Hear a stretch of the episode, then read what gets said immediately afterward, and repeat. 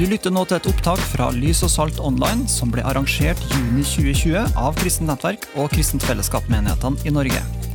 Du vil finne mer stoff fra konferansen på lysogsalt.no.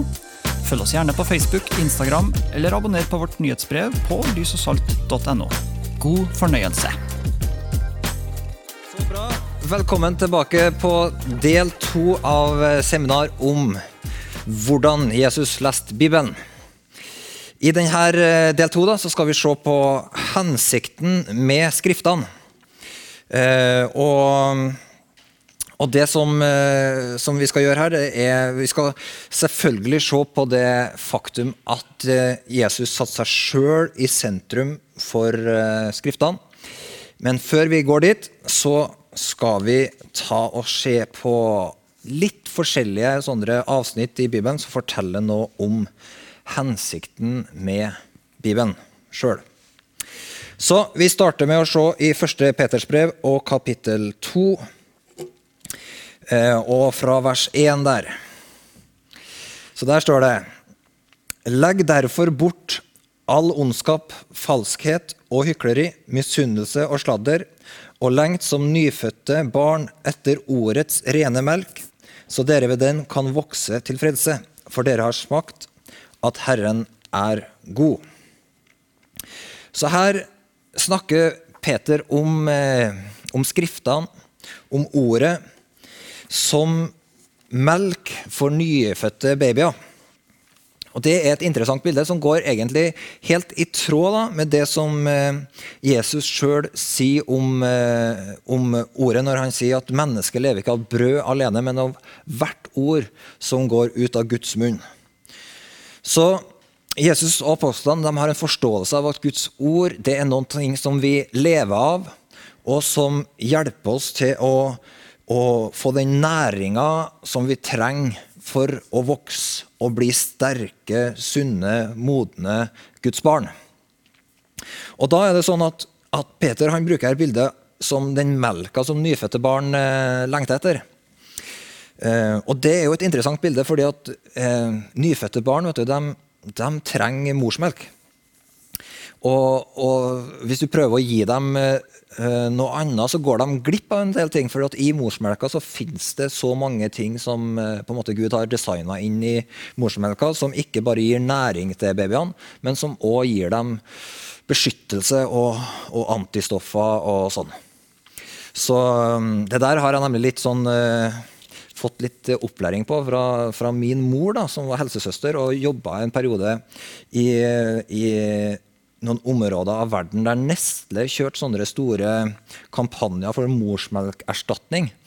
Og da, da var saken det at uh, de her kampanjene gjorde at uh, mødre ikke fikk Eller mødre slutta å amme babyene sine. Og Isteden blanda de da ut sånn morsmelkerstatning fra Nestle og ga dem. Og det førte til masse mangelsykdommer og eh, underernæring blant eh, babyer.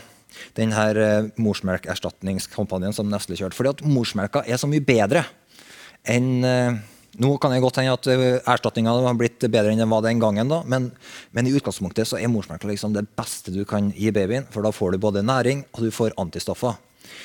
Og Peter sier her at vi skal lengte etter ordets rene melk. Så det betyr at den melka som, eh, som Bibelen representerer da, i livet vårt, den, skal, den, representerer noe som er rent og noe som er uforfalska. Så, så, det er på en måte næring i sin reneste form. Eh, vi trenger å fylle oss med de her skriftene, for ved de her skriftene så, så blir vi styrka, så vokser vi, og så får vi næring. Jesus og apostlene så på ordet som eh, mat og som drikke for det nye mennesket. Ingenting kan erstatte bibelkost i livet til en disippel. Vi skal ta med oss noen sånne måte, av de her flere av de her utsagnene som Bibelen eh, gir oss om hva den eh, eh, om seg sjøl, på en måte. Det andre vi skal ta med oss, er fra Jakobs brev. Og i kapittel 1 der så har Jakob et interessant avsnitt. Han sier at eh, fra vers 22 så sier han dere må gjøre det ordet sier, ikke bare høre det, ellers vil dere bedra dere selv. For den som hører ordet, men ikke gjør det ordet sier, ligner en mann som ser på ansiktet sitt i et speil. Han ser på det, går sin vei og glemmer straks hvordan han så ut. Men den som ser inn i frihetens fullkomne lov og fortsetter med det, blir ikke en glemsom hører, men en gjerningens gjører. Et slikt menneske skal være lykkelig i sin gjerning. Så her sier da Jakob at det å se på ordet det, det, eller å, studere ordet, da, det kan sammenlignes med å se seg sjøl i speilet. Så vi må bruke ordet som et sånt speil. Og når vi ser inn i speilet, så ser vi hvem vi egentlig er. Hvem, hvem vi er i Kristus, hva Gud har gjort oss, hvem Gud har skapt oss til. Identiteten vår, det finner vi først og fremst i Guds ord. Så Bibelen er et speil som forteller oss hvem Gud har skapt oss til å være. Og Når vi bruker speilet, så er det det eneste vi trenger å gjøre, det å, å huske på hvordan det vi så ut. Og så lever vi ut fra det speilbildet. Det er en god måte å leve på. Da slipper man å liksom speile seg i andre mennesker sin mening. Man slipper å speile seg i liksom sine egne fordømmende tanker. Man kan bare se det her er det Gud sier om livet mitt, og så leve ut fra det. Et annet avsnitt som eh, forteller oss noe om Guds ord, det finner vi i, i salmene. Og fra, det er en av de mest kjente salmene om, eh, om ordet, da, som er salme 119. Og der kan vi lese sammen ifra vers 97.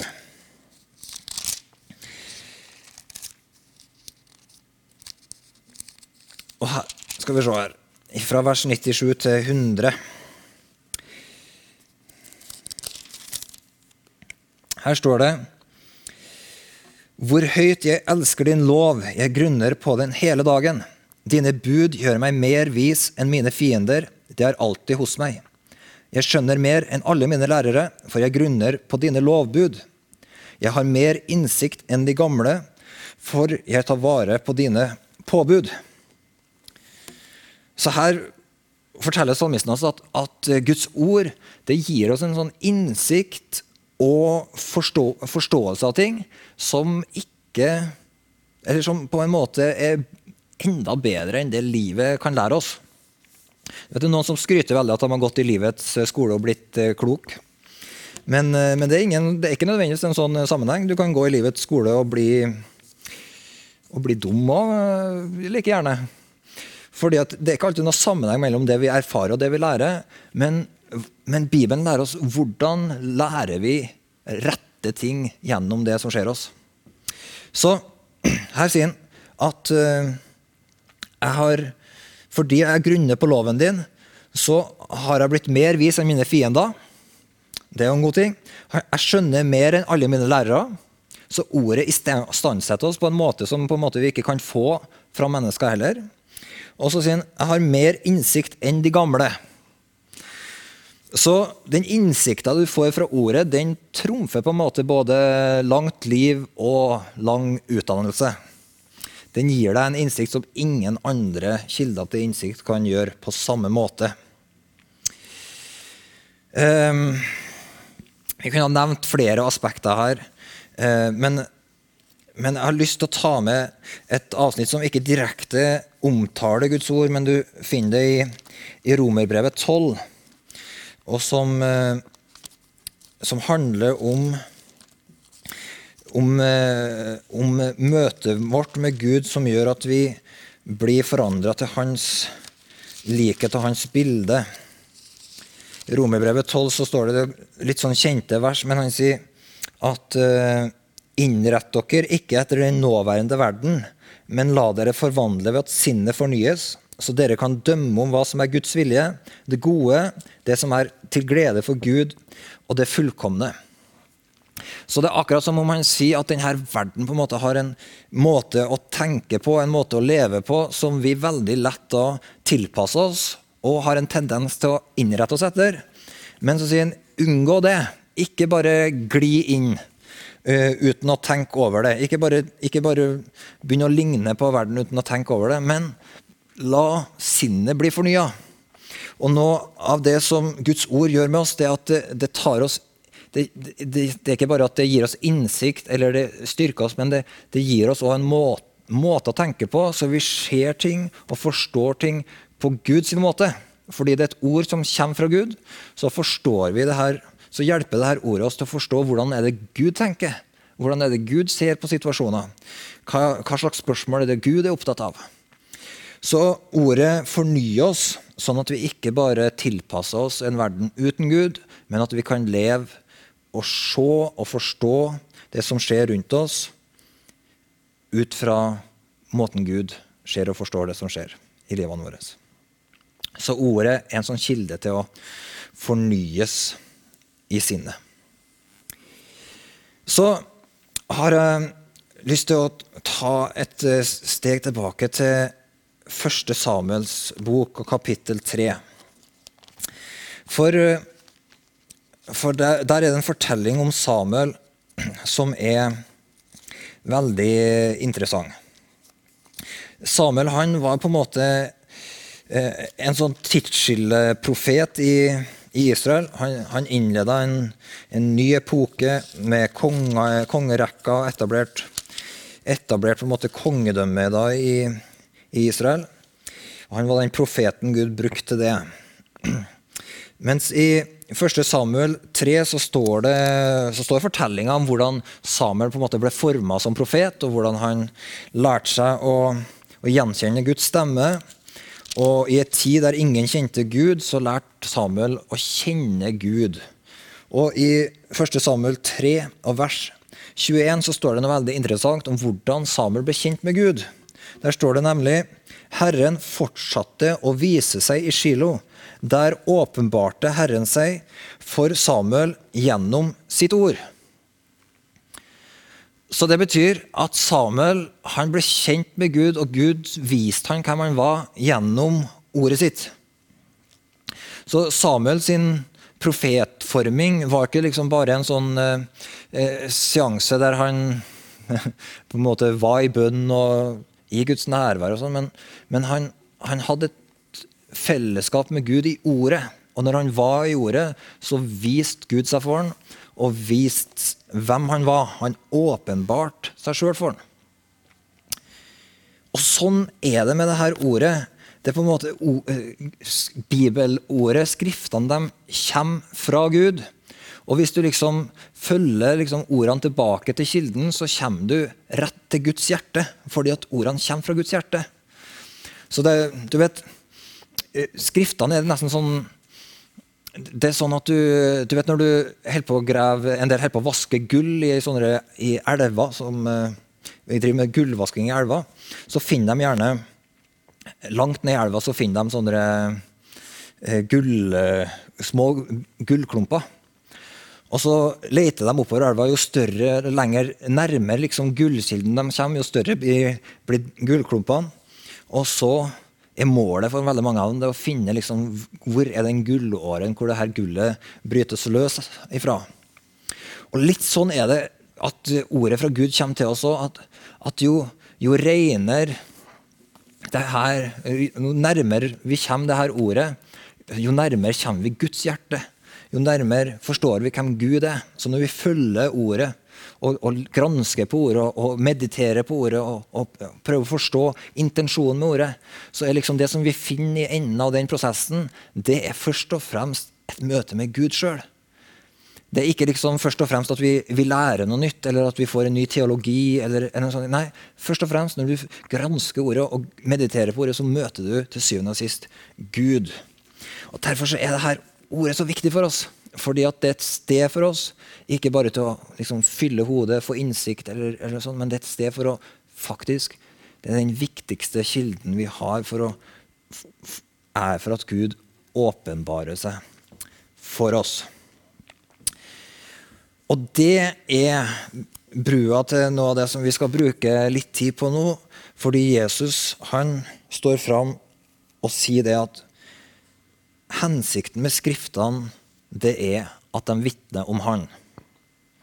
Og Det skal vi se i Hvis vi kan slå opp i Johannesevangeliet kapittel 5 vers 39 skal vi lese interessant, eh, to interessante vers der.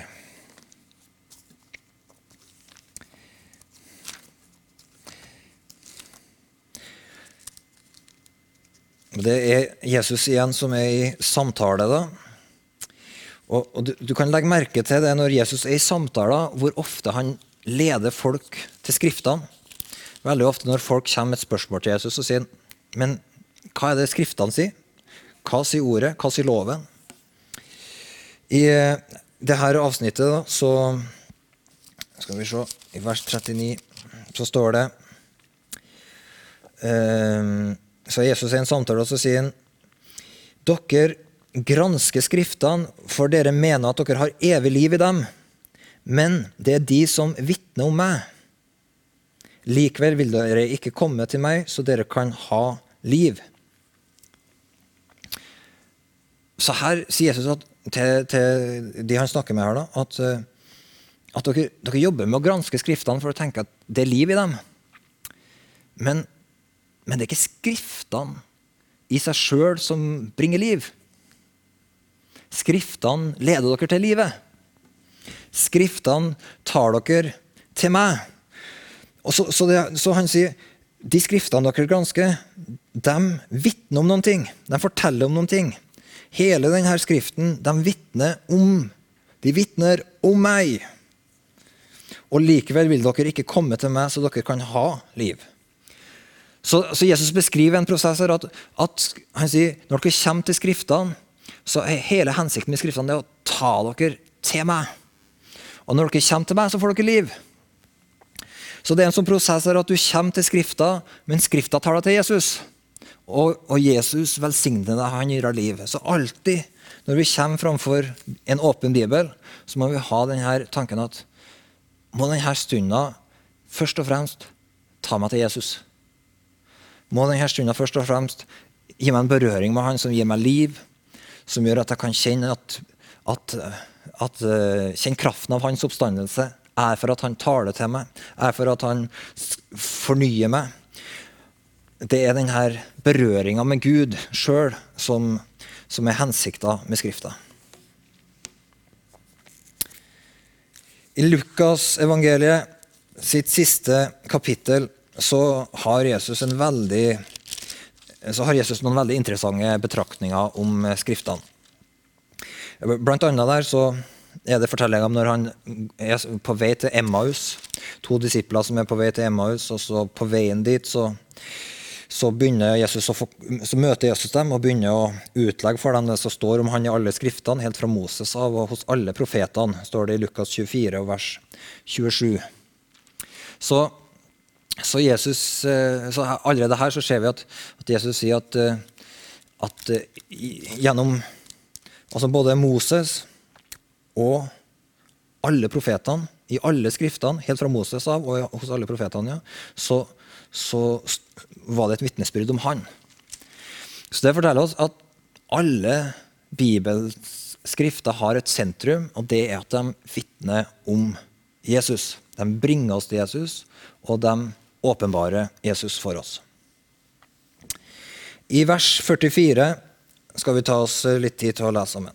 Der står det vi skal lese fra 44 til 48. Så sa han til dem, dette var det jeg talte om da jeg ennå var sammen med dere, og sa at alt måtte oppfylles som står skrevet om meg i Moseloven, hos profetene og i salmene. Da åpnet han deres forstand, så de kunne forstå Skriftene, og han sa til dem, slik står det skrevet, Messias skal lide og stå opp fra de døde tredje dag, og i hans navn skal omvendelse og tilgivelse for syndene forkynnes for alle folkeslag. Dere skal begynne i Jerusalem. Dere er vitner om dette. Og se, jeg sender over dere det som min far har lovet. Dere skal bli i byen til dere blir utrustet med kraft fra det høye. Så her har vi en sånn lynbibelskole fra Jesus. Han, det er jo ikke en bibelskole, han gir jo befalinger om hva de skal gjøre. Men, men, det som er interessant, er at han sier at det står at han åpna deres forstand, så de kunne forstå Skriftene. Det kaller jeg en lynbibelskole. Du har studert noen skrifter, og du har lest dem, og du har kanskje memorert dem og pugga dem, sånn som disiplene gjorde fra de var små og vokste opp i det her synagogemiljøet i, i Israel. Og så kommer det en dag der plutselig Gud sjøl kommer og åpner forstanden, sånn at vi forstår hva disse skriftene handler om. Og så sier Jesus da Slik står det skrevet Messias skal lide og stå opp fra de døde tredje dag, og hans navn skal omvendelse og tilgivelse for syndene forkynnes for alle folkeslag. Dere skal begynne i Jerusalem, og så skal dere få Den hellige ånds gave. Så, så, det han sier, at det står skrevet i Skriftene i de her gammeltestamentlige skriftene, som begynte med Moses og Mosebøkene og varer helt gjennom til profetene, i de her skriftene så står det skrevet om for det første at Messias skulle lide, at han skulle stå opp fra de døde tredje dag, at det skal forkynnes omvendelse og tilgivelse i hans navn, og at dette oppdraget var et oppdrag for, som starta i Jerusalem, og som skulle gå ut til alle folkeslag. Det her åpna Jesus disiplene sin forstand, så de forsto at Skriftene vitna om det her. Misjonsbefalinga kom liksom ikke i Matteus 28. Jesus sa nei, nei, nei. Misjons, selve misjonsbefalinga, evangeliet dere forkynner, det har allerede vært skjult til stede i de her skriftene som jeg nå åpner forstanda deres, så dere forstår. Og til og med så har de her skriftene kommet med et løfte. Og det løftet er at Den hellige ånd skal komme over dere med kraft. Det er far som har lova det her. Så Jesus han peker på Skriftene, og så drar han fram hele evangeliet. Så det betyr igjen vi trenger hele Bibelen for å forstå evangeliet. Jesus sier at Det gamle testamentet inneholder vitnesbyrdet om hans død, oppstandelse, hans, om omvendelse og frelse, om misjonsoppdraget og om utregninga av Den hellige ånd. Og det, det, forteller meg, ok, så det betyr at Når jeg på å lese de her bøkene fra Moses og Jesaja og Jeremia og kong David og kong Salomo, så, så vitner de alle sammen om Jesus. Alle de her skriftene vitner om evangeliet. Alle de her skriftene vitner om oppstandelsen. Alle skriftene vitner om tilgivelse, om omvendelse, om Den hellige ånds liv. Så du tenker, ja, er det sånn? Ja, det er sånn. Og, og vi trenger å, å, å, søke Gud og si Jesus, hjelp meg. La meg få møte evangeliet i hele Bibelen. La meg få møte evangeliet i fortellinga om Israelsfolket i ørkenen, i fortellinga om Davids løfter, i fortellinga om det Jesaja så om den siste tid som er kommet til oss. Jesus, hjelp meg å forstå evangeliet. Sånn kan vi be på samme måte som disiplene, som fikk en åpenbaring og plutselig forsto Skriftene. Du må, du må, tenke litt på hvordan denne erfaringa var verdt for disiplene. Fordi at eh, de kjente Skriftene, og de kjente Jesus. Eh, og når de gikk sammen med Jesus, så er det klart at de, eh, de kom til tro på han som, som Guds Messias. Det er blant annet Peter sier det. Han sier klart og tydelig jeg tror at du er Guds Messias. Og det var tydelig at det var den åpenbaringa som disiplene tok imot.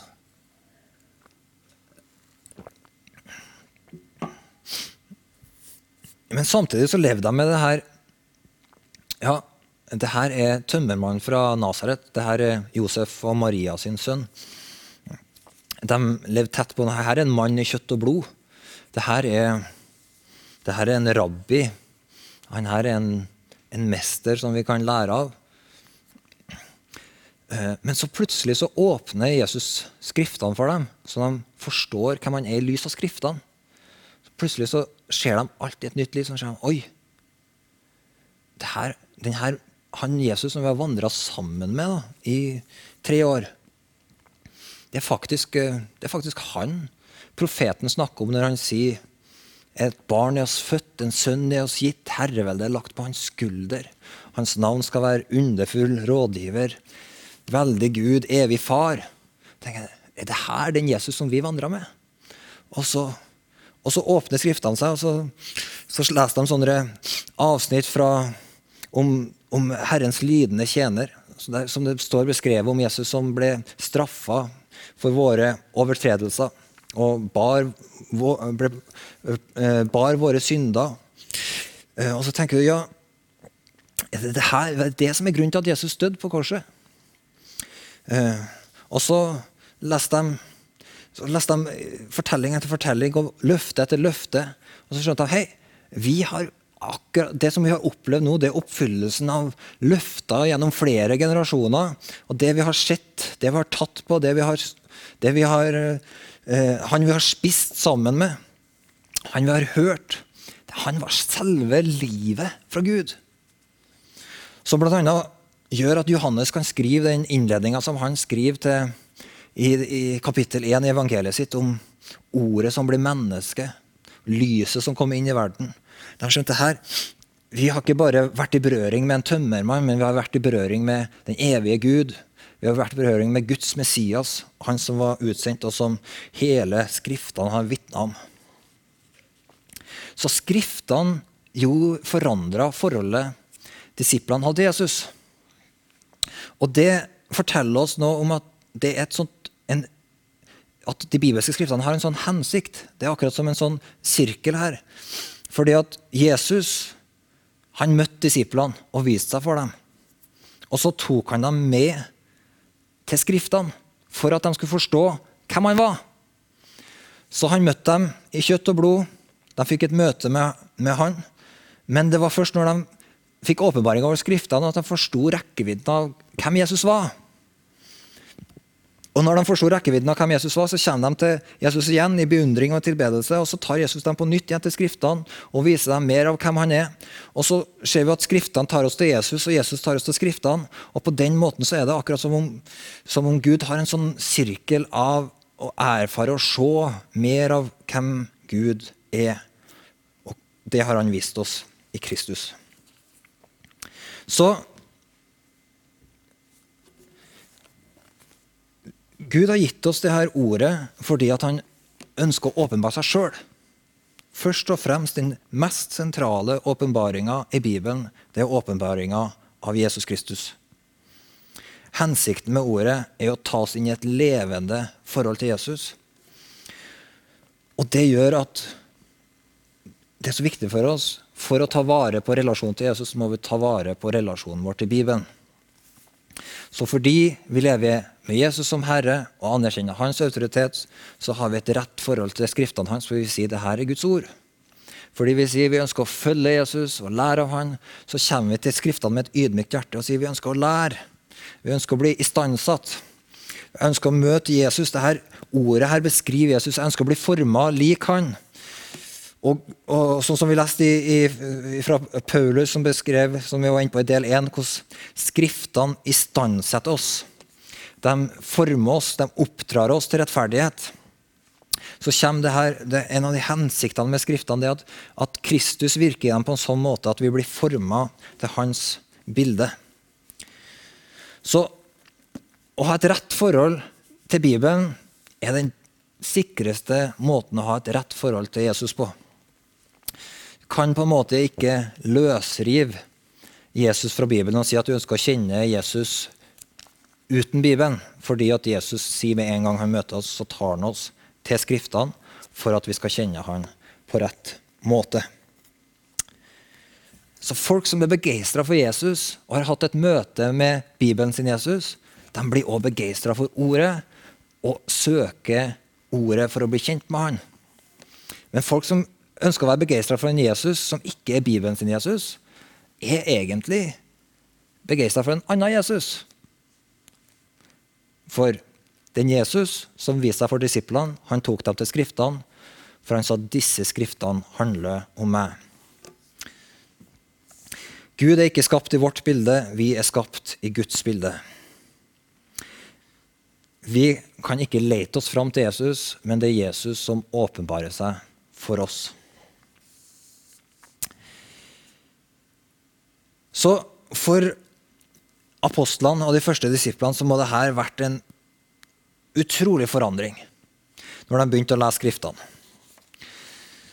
Fra å ha vært opplært i en sånn jødisk tankegang om Abraham, Isak, Jakob og Josef, Moses og Josva, og hvordan denne forminga av gudsfolket foregikk, så skjønte de oi, hele denne historien om de ulike generasjonene som følger generasjoner, om Ruth og Boas som blir foreldre, stamforeldre til David, og løftene til David Alt det her handler om Jesus.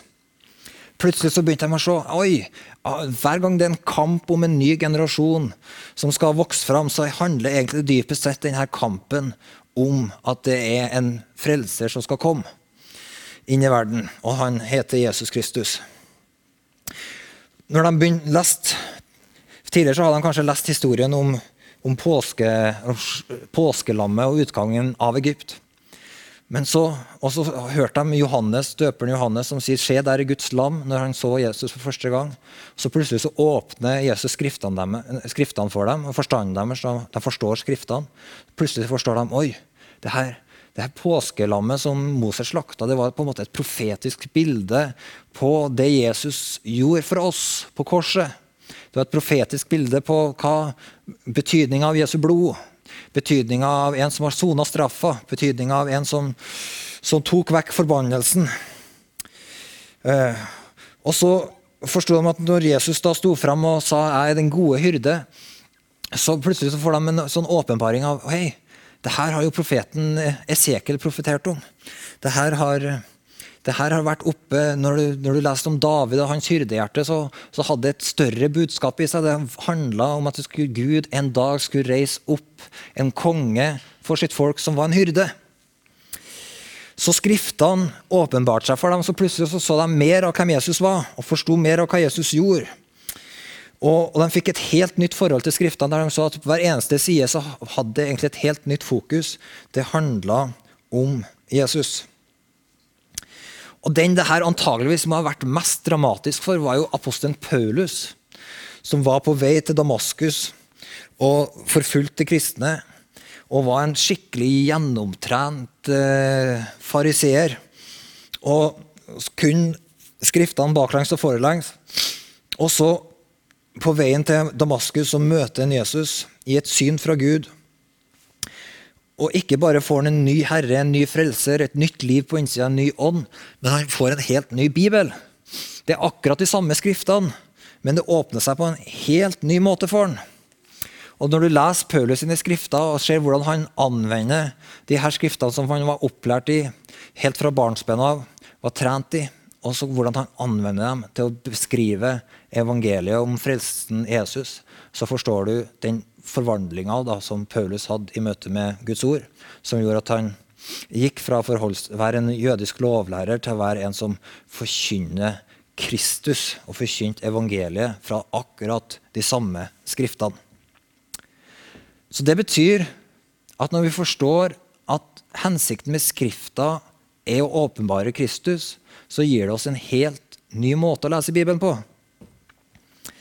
Det skal vi se litt mer på i i neste del. Men, men, eh, jeg ønsker bare å lande der i denne delen nå at, eh, at, eh, at det gir oss en, et nytt forhold til Skrifta på den måten at vi forstår det er ikke likegyldig hvordan du tolker Bibelen.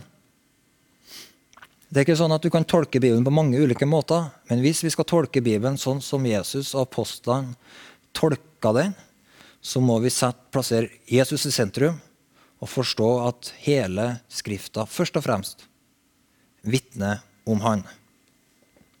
Skal vi avslutte med å høre hvordan det her slår ut for uh, Paulus i Kolossebrevet 1. Men tenk deg hvordan Paulus hadde vokst opp med skaperfortellinga. Vokst opp med forståelsen av at uh, av Israel som Guds ene utvalgte folk. Og så får han et møte med Jesus, som er hele verdens frelser. Og så begynner han å formidle Kristus. Og Han starter med skapelsen, og så sier han om Kristus. Han, Kristus, det her er fra vers 15 i Kolosserbrevet, er den usynlige Guds bilde, den førstefødte før alt det skapte. I Han er alt blitt skapt, i himmelen og på jorda, det synlige og det usynlige, troner herskere, makter og åndskrefter. Alt er skapt ved Han og til Han. Så der Paulus før hadde lest skapelsesberetninga, han antagelig forsto at alt det her handler om å bringe Gud ære, så forsto han at nei, men det her handler om at Gud er en far som har en plan for sin evige sønn Jesus Kristus. Alt er skapt for han. Alt er skapt ved Kristus. Og han er på en måte før alt som er skapt. Han er en del av den evige Gud fra begynnelsen av. Og så sier han han er før alt, han blir alt holdt sammen. Han er hodet for kroppen som er kirka. Han er opphavet, den førstefødte fra de døde. Så her, her tar, når, når Paulus fikk dette møtet med Jesus, så plutselig så plasserer han menigheten, da Kristi kropp, inn i liksom Guds store plan for verden. Han starter med skapelsen, og så snakker han om det usynlige, det usynlige, om makter og krefter. Inn i det her så plasserer han sin Jesu kropp er kom inn, og det er en sånn størrelse som har liksom med hele historien å gjøre. Kristi kropp er ikke en parentes. liksom. Kristi kropp, Det handler om at Jesus er hodet i himmelen for en kropp på jord. Og det forandrer hele, forstår, hele måten du forstår verden på. Skapelsen, Kristus, kroppen, som er kirka. Han Kristus er opphavet, den førstefødte fra de døde, så han i ett og alt kan være den fremste. Så føles, Han beskriver her alt har fått et nytt sentrum. Alt har fått et nytt sentrum. Historien har fått et nytt sentrum. Det er Kristus. Og det her sentrumet er ikke nytt i den forstand at det er nytt, men det er nytt for oss. For sånn har det vært fra evigheten av. Alt har kretsa rundt Kristus, men nå ser jeg det. I Han ville Gud la hele sin fylde ta bolig, og i han, ved Han ville Gud forsone alt med seg sjøl, det som er på jorda og det som er i himmelen, da Han skapt fred ved Hans blod på korset. Amen. Så da lander vi der, i den sesjonen. Og så skal vi i del tre så skal vi se nærmere på hvordan tolka Jesus og apostlene Skriftene.